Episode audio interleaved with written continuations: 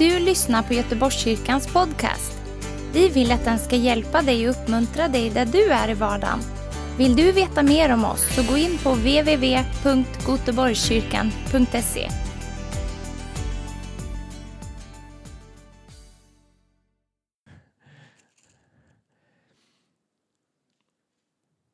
Andreas, Simon Petrus bror, var en av de två som hade hört eh, vad Johannes sa och som hade följt Jesus. Han fann först sin bror Simon och sa till honom, vi har funnit Messias, det betyder Kristus. Och han förde honom till Jesus. Jesus såg på honom och sa, du är Simon, Johannes son. Du ska heta Kefas, det betyder Petrus, alltså klippa. Han såg vad som fanns bakom, liksom, vad Gud hade för kallelse för, för Petrus. Men det stannar inte där, utan det fortsätter.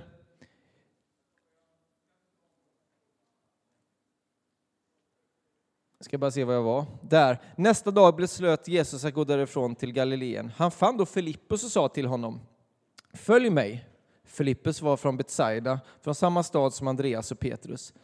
Filippus fann Natanael och sa till honom, den som Mose har skrivit om i lagen och som profeterna har skrivit om, honom har vi funnit, Jesus, Josefs son från Nasaret. Natanael sa till honom, kan något gott komma från Nasaret? Filippus svarade, kom och se. Och när Jesus då såg på Natanael komma sa han om honom, se, han är en verklig israelit. I honom finns inget, inget svek. Natanael frågade honom, hur kan du känna mig? Jesus svarade, innan Filippus kallade på dig såg jag dig där du var under fikonträdet. Jag tror att i bönen så uppenbarar Gud när vi ska utrusta andra människor. Vad har Gud lagt ner? Vi kan se vad som är för människors ögon, precis som när, när, en, när en ny kung skulle smörjas. Alla Davids bröder radades upp. Den ene var liksom eh, starkare och mer liksom, lämpliga rent mänskligt sett än den andra. Men ingen av dem var det. Finns det ingen mer? Och flera av er kanske känner till att ja, men han var inte ens där för han räknades inte med, för David var ute bland fåren. Liksom. Ja, men, ja, vi har en till, men han behöver vi liksom inte räkna med riktigt. Det var han som Gud hade utvalt. Och jag tror att få, i bönen får vi liksom Guds liksom profetiska blick vad Gud har lagt i människor, vad Gud har kallat dem till. Så att vi kan liksom koppla till det, inte koppla till det yttre eller det som vi bara ser Eh, som människor. Och det kan bara födas i bönen. Det kan bara födas i att Guds ande leder oss och visar oss och leder oss. Och vad behöver vi mer göra då? Jo, vi behöver se människor. Vi behöver be för människor, men vi behöver också då se och Jesus säger det att vi, vi ska göra det. Vi ska titta runt om, omkring oss. För när Jesus gjorde det, vad såg han när han tittade runt omkring sig? När han gick runt omkring i alla städer och byar. Och det står det i Matteus 9.35. Då står det att han såg folkskarorna. Och han förbarmade sig över dem eftersom de var rivna och slagna som får utan heder. Och han sa till lärjungarna, Skörden är stor med arbetarna är få. Och vad skulle de då göra när de såg människor? De skulle be om arbetare. Arbetare till skörden. Och vad behöver vi då göra? Vi behöver se människor. Det är en väldigt bra början. Att vi släpper blicken från oss själva och vi bryr oss om människor. Och jag tänker att det handlar så mycket om hjärtats inställning. Jag gick på Allum idag får ni inte säga det, jag var och letade efter en morsdagspresent. Ja, Maria är inte här så kan jag säga det. Och jag kände bara igår kväll och hela den här konferensen, Gud har gjort något i mitt hjärta. Jag har bara känt innan konferensen, Gud, jag behöver bli mjukare i mitt hjärta. Jag behöver få liksom en ny kärlek till människor. Vet, man jobbar på inför den konferensen, har så otroligt mycket bara bang, bang, bang och jag känner liksom, Gud, jag måste få bli påfylld. När jag gick där så bara kände jag, jag bara tittade på människor, jag bara kände Alltså, wow, jag känner en sån kärlek till de människor jag, människorna jag möter där inne på Allum. Liksom. Jag bara gick och log. Jag kom på mig själv att göra det. Och det är, inte, det är ett verk av den helige Ande, men jag tror att det är där det börjar. Om vi ska utrusta människor, vi ska betjäna människor. Och det föds i bönen. Och att vi får Guds hjärta Han förbarmade sig över dem. Be därför skördens Herre att han sänder arbetare till skörden. Och att vi får Guds hjärta även till dem som vi tycker är jobbiga. Andra Petrus brev 1 och 5 säger så här. Gör därför allt ni kan för att er tro visar dygd, i dygden insikt, i insikten självbehärskning, i självbehärskningen uthållighet. Oh, I uthålligheten gudsfruktan. I gudsfruktan broderlig kärlek och i kärleken till bröderna kärlek till, nu kommer det här absolut svåraste, till alla människor. Kärlek till alla människor. Ty om allt detta finns hos er och växer till blir ni inte overksamma eller utan frukt när det gäller kunskapen om vår Herre Jesus Kristus. Vi behöver se människor och i bönen så får vi liksom Guds liksom blick för människor och vi ser vad, vad Gud har lagt ner i dem. Och vilka, om vi då ska utrusta människor, vilka ska vi då utrusta? Liksom vilka kriterier finns?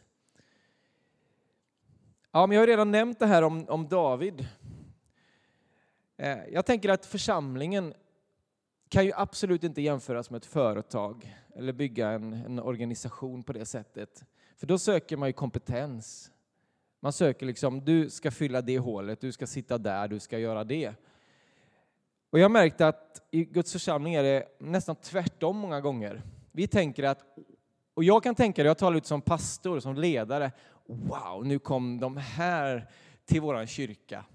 Vad fantastiskt! De har ju den här, de här kunskaperna, erfarenheterna och kompetenserna. Och hur lätt är det inte att tänka så med min mänskliga hjärna? De skulle ju liksom passa perfekt i det där pusslet. Men då får jag bara lägga det åt sidan. Gud, vad vill du? Vad har du kallat de här personerna att göra? Inte vad vill jag? Jag ska inte sätta in människor på olika platser, utan Gud ska sätta in dem i det som han har smort dem till. För det är Herren som bygger sin församling. Och han, Gud ser inte som vi gör rent mänskligt. Vi kan gå in och tänka att den där, wow, den är ju kanon. Men jag har märkt så här, de vi ibland sätter störst hopp på, eller som pastor, som ledare, där kan man ibland kanske bli som mest besviken. För man tänkte att nu kommer någon som ska bara fylla ett jättestort hål i församlingen. Och hur lätt är det inte att börja tänka så mänskligt? Men det är inte alltid de som är de som är de trofasta och som fortsätter att bygga. Vi hörde Kristians undervisning, många av oss idag på förmiddagen, precis det han talade om. Utan Herren ser till hjärtat och Gud kallar människor. Herren kallar människor. I bönen så kan vi få bli i liksom linje med Guds sätt att bygga sin församling. Vi kan inte gå in i management mode och tänka att ja, men jag kan bara fixa till det där. Utan i bönen så hittar vi vad, hur vill Gud bygga sin församling? Vilka vill han sätta där just på det området? Vilka, liksom, vilken person är kallad till att resa upp just det här området i församlingen och så vidare och så vidare. För Herren ser till hjärtat. Sen skulle jag bara vilja nämna kort att utifrån, som, utifrån ett ledarskapsperspektiv då, så är det ju karaktär och trofasthet och pålitlighet som är det som i slutändan är det som avgör om det ska funka eller inte. Och jag tänker när, när de tillsatte de första diakonerna, det var att de skulle vara uppfyllda av ande och vishet och ha gott anseende och ha en trofasthet över sina liv. Och jag, just när det gäller karaktärsdrag då, om vi ska söka utifrån ledarskapsprincipen, vi ska inte först och främst gå på kompetens, även om det är fantastiskt, för kompetens liksom, kan man lära upp. Och väldigt mycket har jag märkt handlar om att man många gånger gör saker som är så mycket mer än en själv när man är i smörjelsen.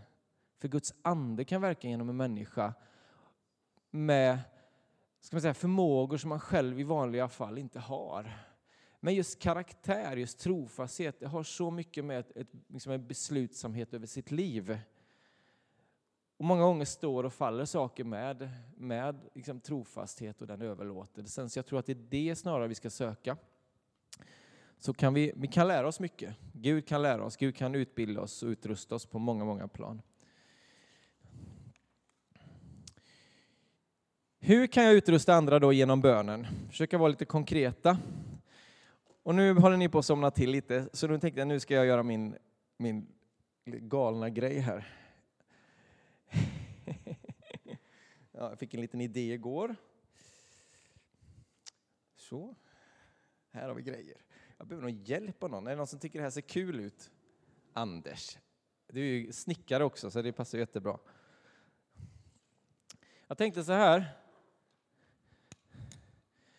Vill du testa att banka på den här och se om du kan eh, få, få den att bli platt? På det, ja. Vill du ha hörselskydd?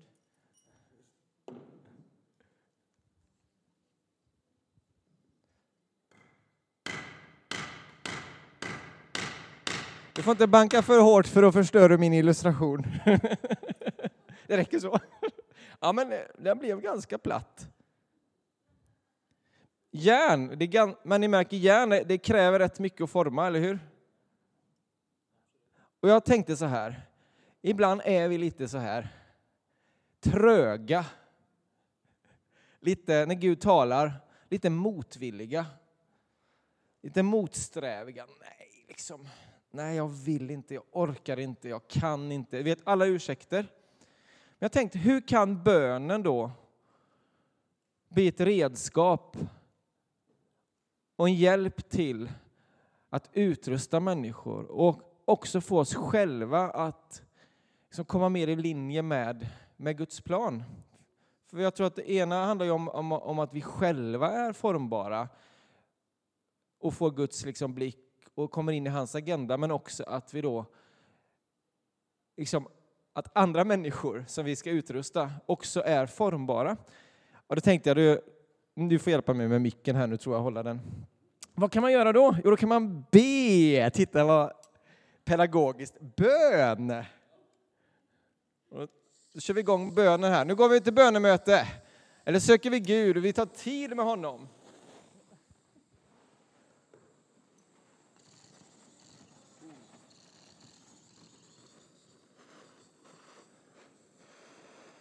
Vi ber tillsammans. Vi tar tid inför honom, vi umgås, relation med varandra, relation med, med Gud. Och ni känner värmen ökar. Det blir varmt. Är det någon som har känt det någon gång? I era hjärtan? Jag kände det igår kväll. Mitt hjärta började att smälta. Jag började, började liksom känna att Guds kärlek började öppna upp mitt hjärta. Jag började se saker på ett nytt sätt. Jag börjar liksom känna Guds andes närvaro. Hoppas den här illustrationen håller hela vägen nu då.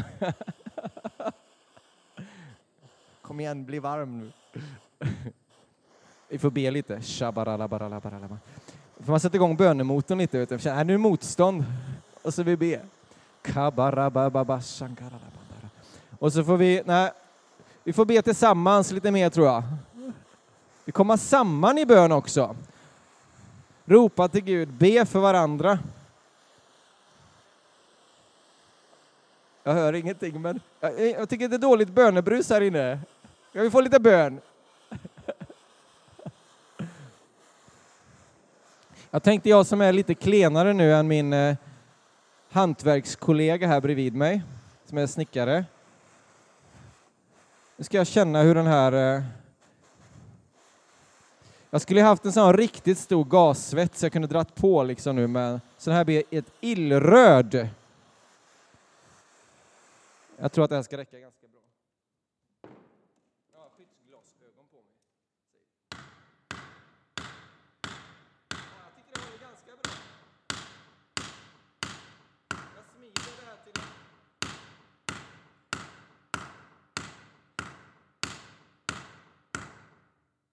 Ja, jag tycker faktiskt att kolla vad platt den blev. Vad mjukt järnet blev, eller hur? Formbart, bara säg ja.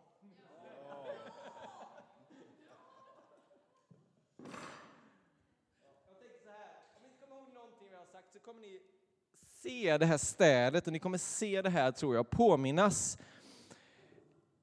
När ni känner att motstånd på insidan Så här är det. Hur kan jag utrusta andra genom bönen? Jo, be tillsammans. De samlades till den första församlingen, till möten, till bön. De bad tillsammans, de lyssnade in Guds ande. Och jag tror i den atmosfären när vi ber tillsammans, då är det så mycket lättare att ta steg i tro. Alltså, jag tänker så här, efter en gudstjänst, att gå ut och fråga någon om en uppgift. Ja, liksom. Ja, men det är så vi fungerar, tror jag. Så nu har jag avslöjat min strategi. Om du får en fråga efter en söndagsgudstjänst, skulle du kunna? ja, men det är så här. Jag tror att i, liksom, i smörjelsen, i Guds närvaro, då får vi liksom en, en mjukhet i, i, i våra hjärtan. Vi är mer mottagliga också för, för vad Gud vill säga. Och, och, och tystar liksom det här köttet som ropar inom oss, vår bekvämlighet. Och jag tror att också vi ska ta tillvara på varje tillfälle. Just när vi har samlingar, när vi har tillfällen att bjuda med. Hur kan jag utrusta andra? Jag kanske kan göra en viss del, men när vi för människor tillsammans, det är därför vi firar gudstjänster, därför vi kommer samman, därför vi har husgrupper. Där kan kroppen vara i funktion. Där är Jesus mitt ibland oss. Och när vi ber tillsammans, när vi söker Gud, där är vi formbara, där kan gåvorna fungera. Gåvorna kommer i funktion. Och i bönen så lyssnar vi in vad Guds ande säger. Det står så här i psalm 23 att han för mig till vatten. Han för mig till vatten där jag finner ro. Heden leder till vatten där vi finner ro. Jag tror att vi kan som herdar, som ledare också, och som eh, lärjungar föra andra till en atmosfär där det är varmt, där man blir uppvärmd, där man blir mottaglig, där man blir mjuk, där vi kan be tillsammans, där vi kan lyssna in Guds ande och där vi kan bli utrustade på det sättet. Och därför tror jag att det, det vi ska göra det är att vi ska försöka föra människor in i Guds närvaro. För det är så mycket som sker automatiskt. Gud talar, saker läggs till rätta och i den här atmosfären så utrustas vi och formas. Och jag tror också i den atmosfären så är det så mycket lättare att också ta lite tuffare, svårare, jobbigare bitar för det, det finns en kärleksfull atmosfär. Och jag skulle vilja säga att i, i, i, bönen är verkligen en hjälp när vi utrustar andra också när det gäller de här bitarna att förmana. Och jag tror att här behöver vi verkligen söka Gud. Jag har märkt det att är jag frustrerad eller är jag upprörd eller det jag ska göra då det är att ta ett steg tillbaka. Jag ska och be. Jag märker att det blir sån skillnad. Vad vill man göra? Jag vill alltid agera. Är jag frustrerad eller upprörd över något, då vill jag göra någonting åt det, eller hur? För det är fruktansvärt att sitta med den här känslan av att det är något i luften. Jag, vet inte, jag tycker det är jättejobbigt. Bara veta att det är någonting i luften. Men jag har märkt att om jag tar det direkt, då agerar jag oftast i affekt. Och ja, vad händer då? Jo, konflikt, det blir ofta en konflikt, eller konflikten som kanske redan finns, den växer. Så är det i alla fall jag vet inte, ni som är gifta, många gånger fungerar det så också i ett äktenskap. Men vad är det bästa att göra? Jo, gå undan. Maria brukar säga till mig, gå ut och gå en promenad. ja, men ibland är det som att man får bara ta ett steg tillbaka. Man får backa och be, söka Gud och hitta friden. Och ofta i friden, då hittar vi vad vi ska säga och hur vi ska säga det, på vilket sätt. Och, och vi också hittar Guds kärlek, värmen, vi själva blir mjuka och saker rinner av oss, affekter rinner av oss och då kan vi agera utifrån Guds väg och lösning i situationen. Så jag har märkt att bönen är otroligt viktig. Men också när vi ska följa upp, eh, uppmuntra, utvärdera och allt det här. Liksom, det är så lätt att bara ge snabb feedback med att liksom stanna upp, lyssna in eh, och liksom få liksom det ordet ifrån Gud. Få vad Gud säger i den här situationen. Och att liksom stilla oss. Så mycket, bönen är till så otroligt mycket hjälp när vi utrustar andra på det här sättet. Nu ska jag lämna över till Samuel. Varsågod. Så tar du resten här.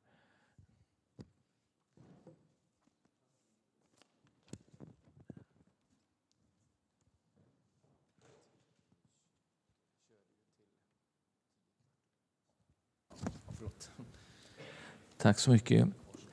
Jag måste säga det att som Boris sa, att kanske bönen är en av de viktiga sakerna, för, har varit betydelsefullt för mig. Och jag tänkte även när han sa det att eh, be skörden säga att han sänder arbetet sin skörd. Vilka var det han skickade sen då? De som hade bett.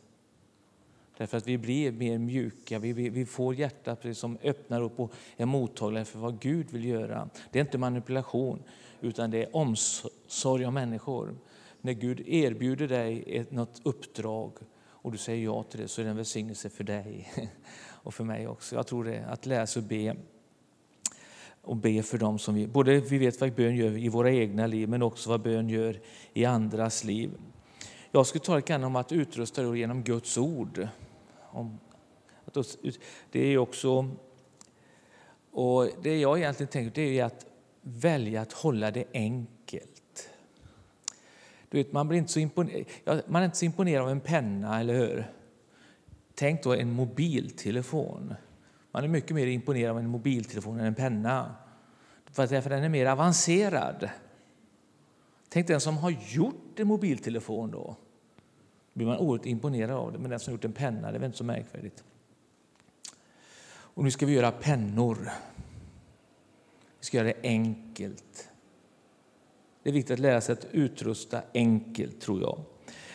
Jag vet inte om jag ska göra en illustration också. Jag, vi, jag tycker om det också. Jag tycker det var fantastiskt bra den här. Det kommer vi att komma ihåg.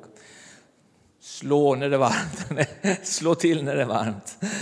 Jag, jag, jag skulle egentligen haft den förra gången, men jag har med mig rekvisiten sen förra Men jag tror ändå att det är en viktig lärdom när vi ska också undervisa, undervisa genom Guds ord. Så jag har egentligen i...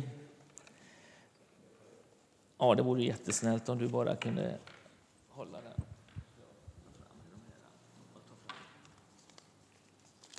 Bara ta fram en, en räcker. Nej, det räcker med det här. Mm.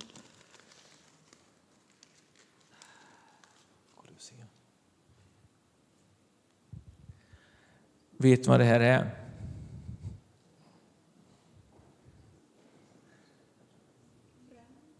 Ja, det var rätt. Det är frö. I det här fröet har Gud lagt ner en härlighet. Gud har lagt ner en härlighet i det här fröet. Som han har tänkt. Han har tänkt att det här fröet ska bli någonting.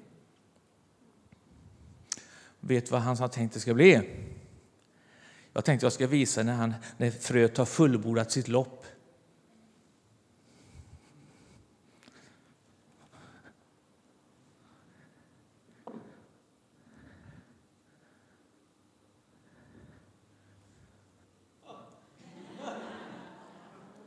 Fröet har fullbordat sitt lopp. I det fröet hade Gud lagt ner det här.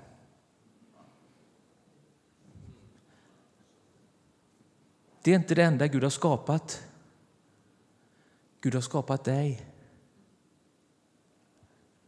Han har lagt ner någonting i dig. Det finns någonting som Gud har lagt ner i dig. Han lagt ner, och I det, det han lagt ner i dig har han också lagt ner sin härlighet. Han har lagt ner sin härlighet. Och det har han inte gjort bara i dig, i alla människor. Varenda en som Gud har skapat har Gud lagt ner något fint, något vackert. Och han har tänkt att det ska fullbordas så man kan säga jag har fullbordat mitt lopp. Jag blev det Gud tänkte. Och jag skulle sagt det egentligen förra gången att våran nationalsång är så här. Vi slutar så här. Ja, jag vill leva, jag vill dö i Norden. Men fröna sjunger något annat. Ja, jag vill leva, jag vill dö i jorden. I den miljön blir fröet det här. Du och jag, i Guds närvaro blir vi det Gud har tänkt. Guds närvaro är hemligheten i våra liv.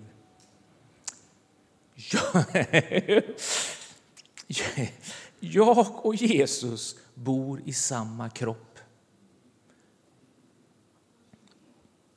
Jag är nära till Jesus. Var bor Jesus? Han bor du, Jag lever i ständig närvaro med Gud. Det gör du också. Som Boris sa... man har inte, det, vet, jag, tycker, jag har min fru med här. Hon tycker om att gå och handla, shoppa. Jag tycker inte om det. Jag blir svettig när jag kommer in i en affär.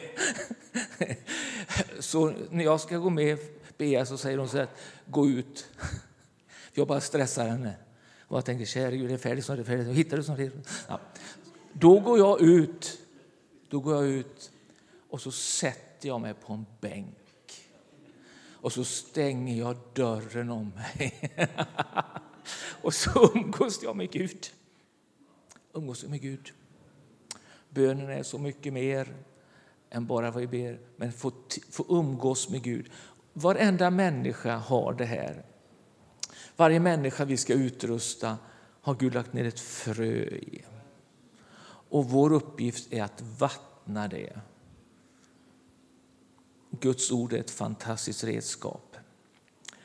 Inte för att lära ut massa saker till människor utan för att Gud ska få möta och göra det han har tänkt i deras liv.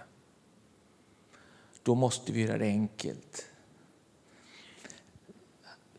Det finns en som har, som har regeringsmakten på jorden. Vem är det? Vad heter han? Han börjar på J. Jesus. Det, det, då, det, då, är det, då är det han som bestämmer. egentligen. Han vet vad människan behöver. Han vet vad som är bäst. Alltså, han är inte bara, han är inte bara regeringsman, han är en god Gud. Det är så skönt. Det är så att i Guds rike har Gud absolut makt. Ingen kan ge honom råd. Ingen kan ställa honom inför rätta. Han har absolut makt. Och Det är vi rädda för, och det är farligt för oss människor. För vi missbrukar makt. Men Jesus kan inte det. det han kan inte missbruka makt. Därför är det inte, inte farligt. Men han har skrivit läroplanen. Han har bestämt vilken läroplan som vi behöver i våra liv.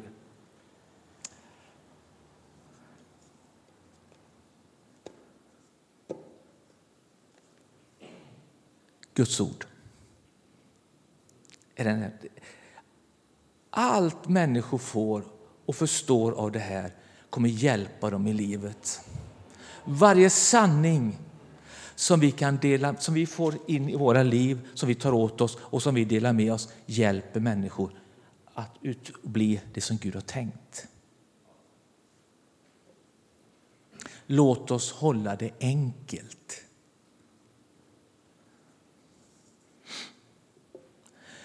Bibelundervisningen är inte för församlingen. Den är för hela världen. Varenda,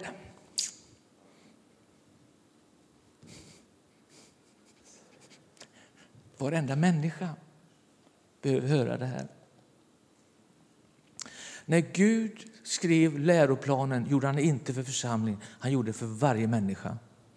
Och de flesta av oss människor är ganska enkla människor. Och därför behöver det vara enkelt.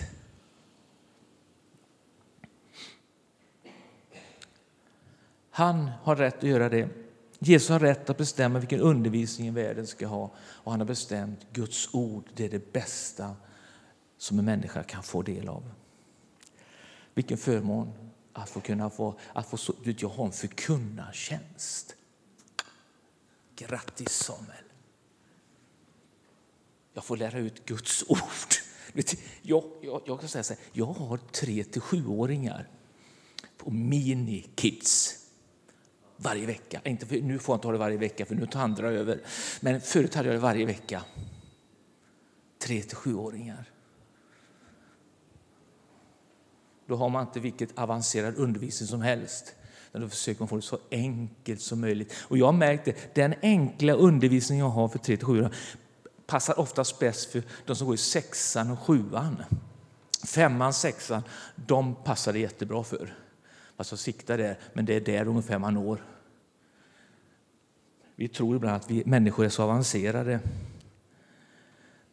Bibelundervisning är bra för varje människa om de ska gå från frö till att det som Gud har tänkt i deras liv. Ju mer de får av Guds ord, Guds sanningar som de tar åt sig, ju bättre blir deras liv.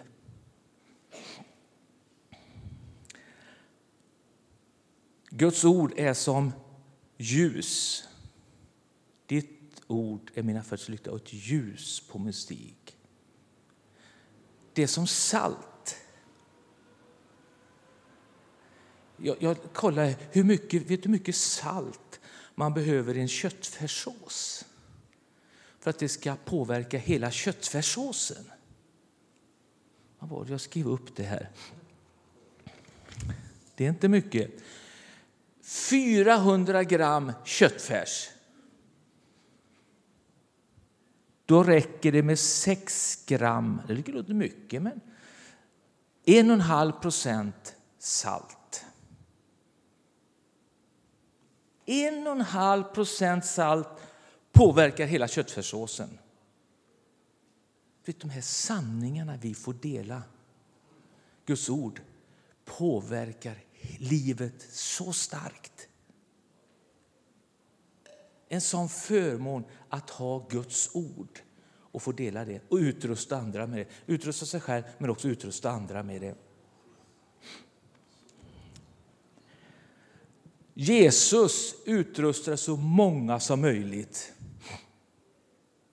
Det står att Jesus gick omkring i byarna. Han var i synagogan, men också i byarna och undervisade. Det, det är bra att undervisa, inte bara i kyrkan. Undervisa överallt. Vi ska sprida Guds ord till så många som möjligt. Därför är det viktigt att vi håller det enkelt. För de flesta av oss är enkla. Det finns en del som är lite avancerade, men de klarar det enkla också.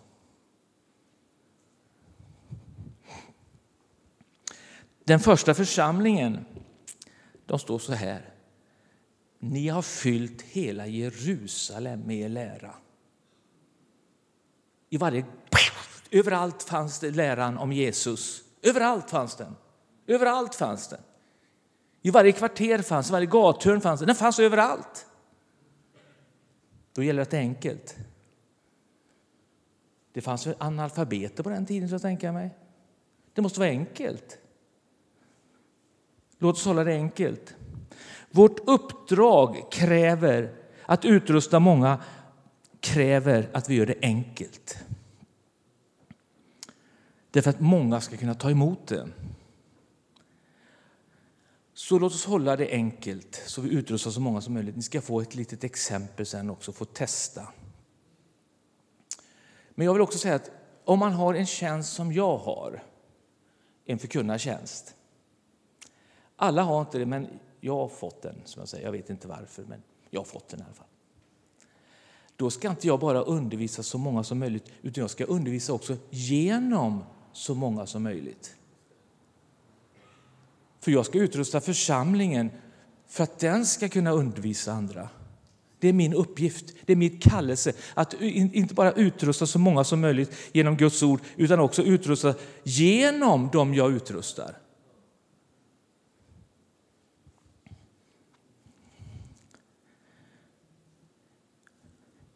Vi har David här, en av ledarna i Mellus kristna center. Ja, en av de bästa som finns. Jag brukar säga en av Västsveriges bästa. Nej, en av världens bästa. David, han är fantastiskt bra. Han har också varit... Han har varit jag, jag såg, vi var ju tittade på fotboll nu. Var det någon som var med och såg det? Eller fotboll där. Jag sa så här att, ja, då såg vi när David var inne, jag vill inte säga nu, men jag har inte sagt det han. Så när han var där nere så minskade målinsläppet. Så, ja. Därför han har blick för det. Han står rätt, springer rätt. Men han har spelat fotboll. Vet du vad lagets uppgift är? Vet du vad fotbollslags uppgift är? Vinna matcher, göra många mål som möjligt. Spelar du forward, mittfält, back, samma, samma målsättning. Eller tränare, samma målsättning. Ett tag så var han fotbollsspelare och han bidrog med sitt, sin, sin förmåga till vad laget skulle göra, vinna matcher. Sen blev han tränare. Då ändrades inte hans målsättning. Det är samma målsättning som laget har, vinna matcher, fast olika roller. Först så bidrog han till matcherna, sen spelade han på ett sätt bidrog han genom laget. Han vann matcher genom laget som tränare. Den rollen kan vi ha också. Utrusta andra gen, alltså, för att vinna genom dem, för att nå andra genom dem. Det är också en, och då måste vi hålla det enkelt, eller hur? För även, de, även ni är ju ganska enkla. Jag säger så här, ofta att jag orkar inte med för mycket för svårt. Jag klarar inte av det ibland. Jag ska läsa ibland i vissa böcker, de har så långa meningar så jag tappar det på vägen Så var korta meningar och lätt att förstå. Jag orkar inte med det annars. Det är jag, men det finns sådana som är avancerade, det är välsignat också. Men jag är inte det i alla fall. Håll det enkelt så vi kan göra så många som möjligt. Och det står om Paulus att när han var i Efesus att hela Asien fick höra, vad då? Vad fick de höra? Herrens ord. Så Paulus undervisar hela Asien genom i Tyrannos lärosal, genom sina lärjungar. Eller inte sina, genom Jesu lärjungar. Utrusta världen genom Guds ord, genom så många som möjligt. Låt oss hålla det enkelt och utrusta så många som möjligt. Hur håller vi det enkelt då? Jo, självklart måste vi kontrollera. Vi har ju varandra så vi kan kontrollera undervisningen med varandra. Det finns människor som är avancerade, det är bra. De som har studerat och kan. Och då är det bra att ha lite kontakt med dem. Så man inte, när man ska göra det enkelt så innebär det inte att det ska vara ja, att man förlorar styrkan i det. Man ska ha kvar det. Därför är vi beroende av varandra. Vi är beroende av de som studerar. Vi är beroende av de som eh, är avancerade i olika saker för att vi ska kunna vi som vill ha det enkelt ska kunna vara trygga när vi har det enkelt. De som kan grekiska och hebreiska och olika sätt. Det vi behövs och vi behöver ha kontakt med varandra och göra det tillsammans. Men det andra som jag skulle vilja säga, det är genom... Hur gör man det här? Om jag ska ge en minut. En minut får ni på er. Ta fram en undervisning om förlåtelse på en minut. Kom igen. Tänk igenom en undervisning om förlåtelse på en minut. Ni kan ha åtminstone tre punkter. Så gör det.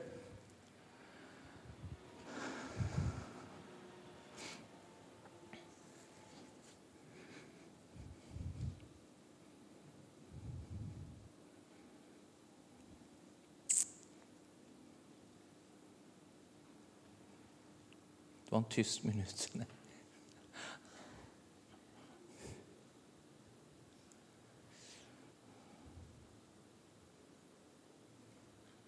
Nu tror jag det har gått en minut. Hur många är det som har en undervisning om förlåtelse som du kan dela?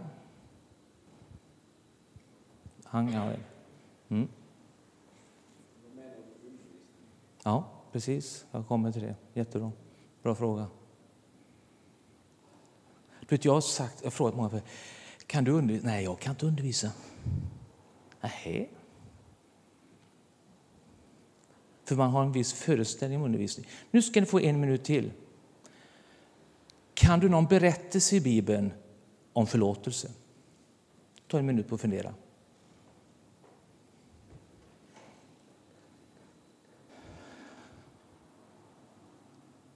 Det kanske räcker.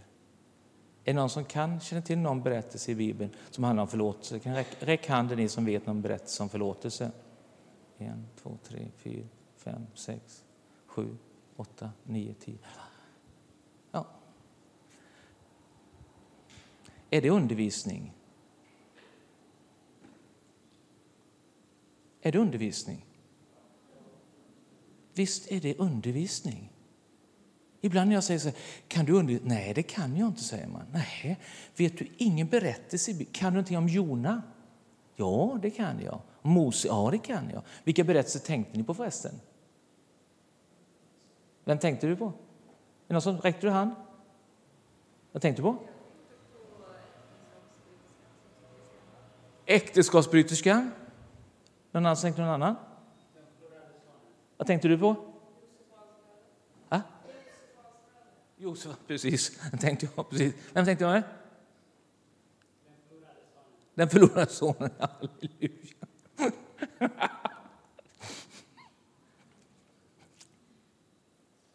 tänkte du på? Ja, precis. Det är så bra undervisning. Jag tycker det är så bra undervisning. Det är så bra undervisning! Berätta berättelser! Vet, när, jag, när jag kör de här 3 till 7-åringar så är det bara bibelberättelser jag har. Så jag undervisar genom berättelser. Jag har, jag har haft sån här undervisning. Vet du, jag hade nu tre steg och tre såna här saker. Jag har hållit på med det. Och jag gör det mycket i församlingen. Vi måste ha lite avancerat, visa lite kunskap. när jag bara skojar. Imponerande, jag bara skojar. Så då har man, och så, du vet, jag kan ta timmar, 20 kanske, kanske jag vet inte hur många timmar jag tar för att hitta en bra undervisning. Men när jag undervisat flest har jag gjort genom bibelberättelser. Jag, jag hade ett tag fick jag, var jag, i, jag fick jobba i skolan och fick ha, jag jobbade i, tre, i femte klass. Då fick jag ha religion i alla femteklassare. Då gick jag in och så berättade jag bibelberättelser. 40 minuter i varje klass varje vecka. Ett helt läsår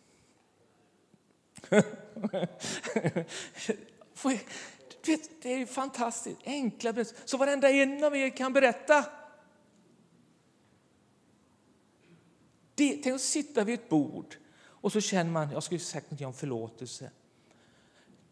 Jag kan, jag, du kan, du kan inte säga att, du inte ens säga att det står i Bibeln. Jag säger att jag, jag hör talas om en kvinna som hade gjort dumma saker, gjort äktenskapsbrott de tyckte var fel. Och så berättar den. Som om du har läst det i GT. Berätta den. Det är väl lika mycket Guds ord det. Berätta berättelser. Jag skulle fråga, hur många, alltså, jag skulle kunna berätta, jag skulle kunna räkna upp hur många som Bartolomeo, känner till honom? Han som satt och skrek vid vägkanten. Den förlorade sonen är ju fantastisk att få berätta om Guds godhet.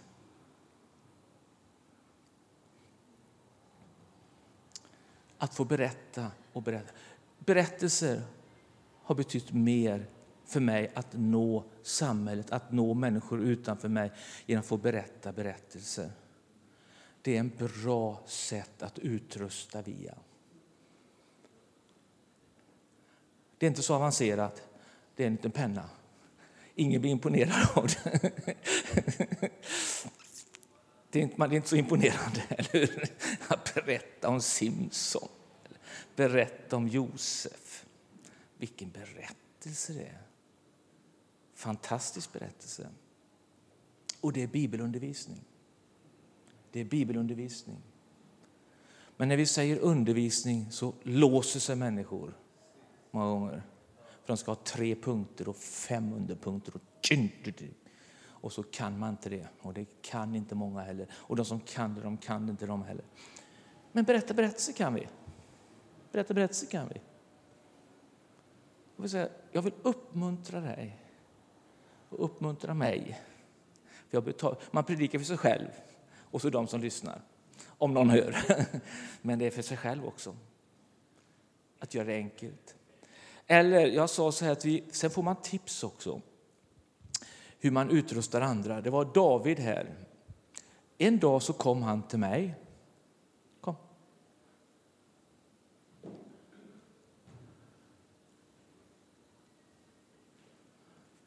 Så sa han en sak. Det är så att David har ju också sagt han kan ju inte undervisa. Eller hur David? Nej. Nej. Han kan inte han har inte det talet. Så känner han själv många gånger tror jag. Men vad sa, du sa en sak till mig häromdagen. Var det något sportresultat? Ja, det var, det var att Arsenal... Nej, det var att liv. Okej. Ja, nu, du satte ju stor press när du sa att jag var världens bästa ledare. Det är, så man, det är väl så man känner sig som ledare, eller? Jättebra. Nej, men jag, jag är en väldigt enkel person. eh, Väldigt outbildad, egentligen, men praktisk. Men kolla här, jag kom på det. Att jag kan tala liv. Fast jag är så enkel, du vet. Jag märker det i vardagslivet. Jag kan spela paddel med någon. Jag har spelat med lite yngre killar, och gjort det några gånger. Och jag har bestämt mig, jag ska bara vara positiv. Och du vet, de vill vara med mig fast jag är 20-30 år äldre än dem. För att man pratar positivt, uppmuntrar. Jag spelade med en tatuerare häromdagen. Han hade börjat hobbytatuera. Jag sa, starta eget nu. Kom igen, våga satsa. Tror du det? Ja, vad tycker du jag är församlingsledare? Vad tycker du jag ska börja med för tatuering? Ja, ett kors kanske. Alltså våga. Jag märker det med även när min fru tar i handtaget hemma när hon kommer från jobbet. Då kan jag bestämma mig att tala liv till henne när hon kommer. Eller också kan jag vara lite trubbig och förstöra den här kvällen. Och så tänkte jag på eh, spejarna som Israels folk skickade, skickade iväg när de skulle inta landet. Och det var väl ändå ledare, eller? Tio stycken utav tolv kom och talade död, egentligen. Och två talar liv. Och så kan jag tala liv, fast jag är enkel. Och du kan givetvis också göra det. Så det var det du tänkte på? Eller? När, när David sa det till mig... Ja, det är väl en applåd. När David sa det till mig så tänkte jag, tänk en sån enk, På ett sätt, det är inte så avancerat egentligen.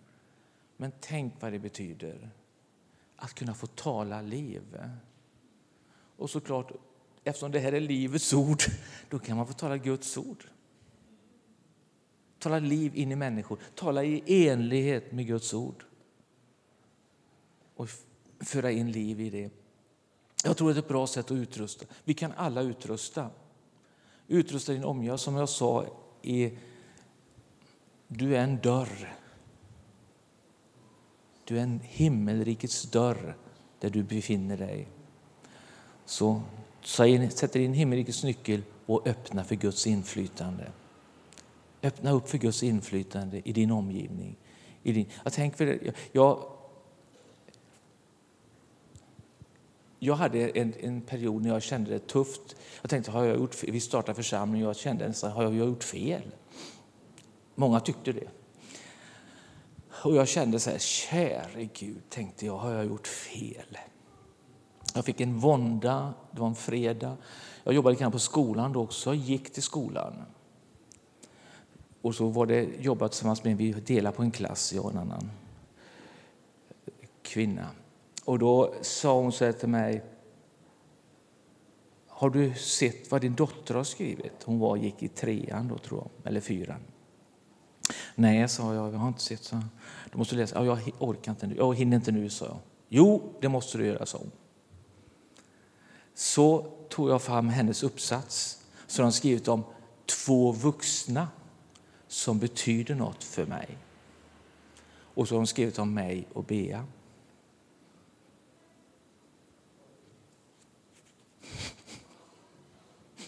Då kände, jag, då kände jag så här. Om inte är för någonting annat så ska jag lyda Gud och gå Guds väg om det så bara är för min familjs skull. Det, det räcker.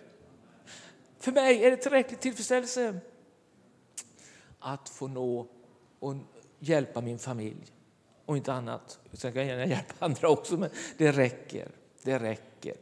Tänk att få ha en, en familj som man kan, där du är en himmelrikets större. Självklart ska vi tro om stora saker, inte det jag menar, men det är inte det vi... Ta det som finns. Var med och utrusta dig, ge liv till det, tala Guds ord, berätta bibelberättelser. Det är perfekt när de är små, att läsa bibelberättelser för barnen. Och så lär man så mycket själv också under tiden. Och kunna berätta den när man sitter vid borden eller ringer i telefonen eller någon, man ser ett problem och så kan man säga ja, en bibelberättelse. Och då är det undervisar du, men du gör det genom att berätta istället. Så gör det. Och Gud välsigne oss var och en att bli berättare. Tack ska ni ha. Jag måste be en bön förresten också. Tack Jesus. Jesus, vi är så glada för ditt ord, Herre, att vi får äga det. Tack för möjligheten att få be till dig och du hör vår bön, Herre. Vi får umgås med dig, Herre. Vi tackar att du bor i våra hjärtan och tackar att du också har fyllt våra hjärtan med liv, Herre.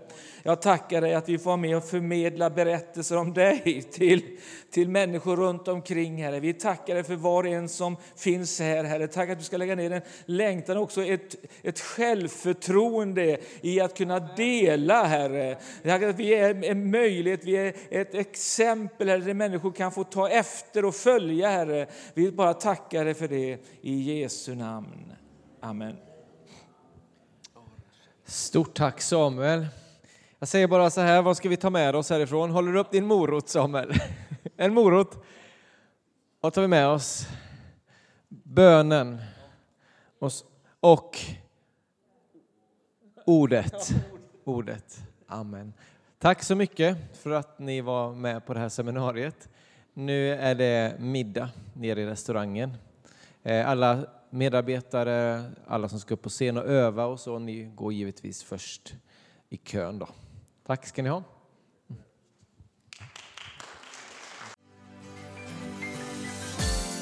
Tack för att du har lyssnat.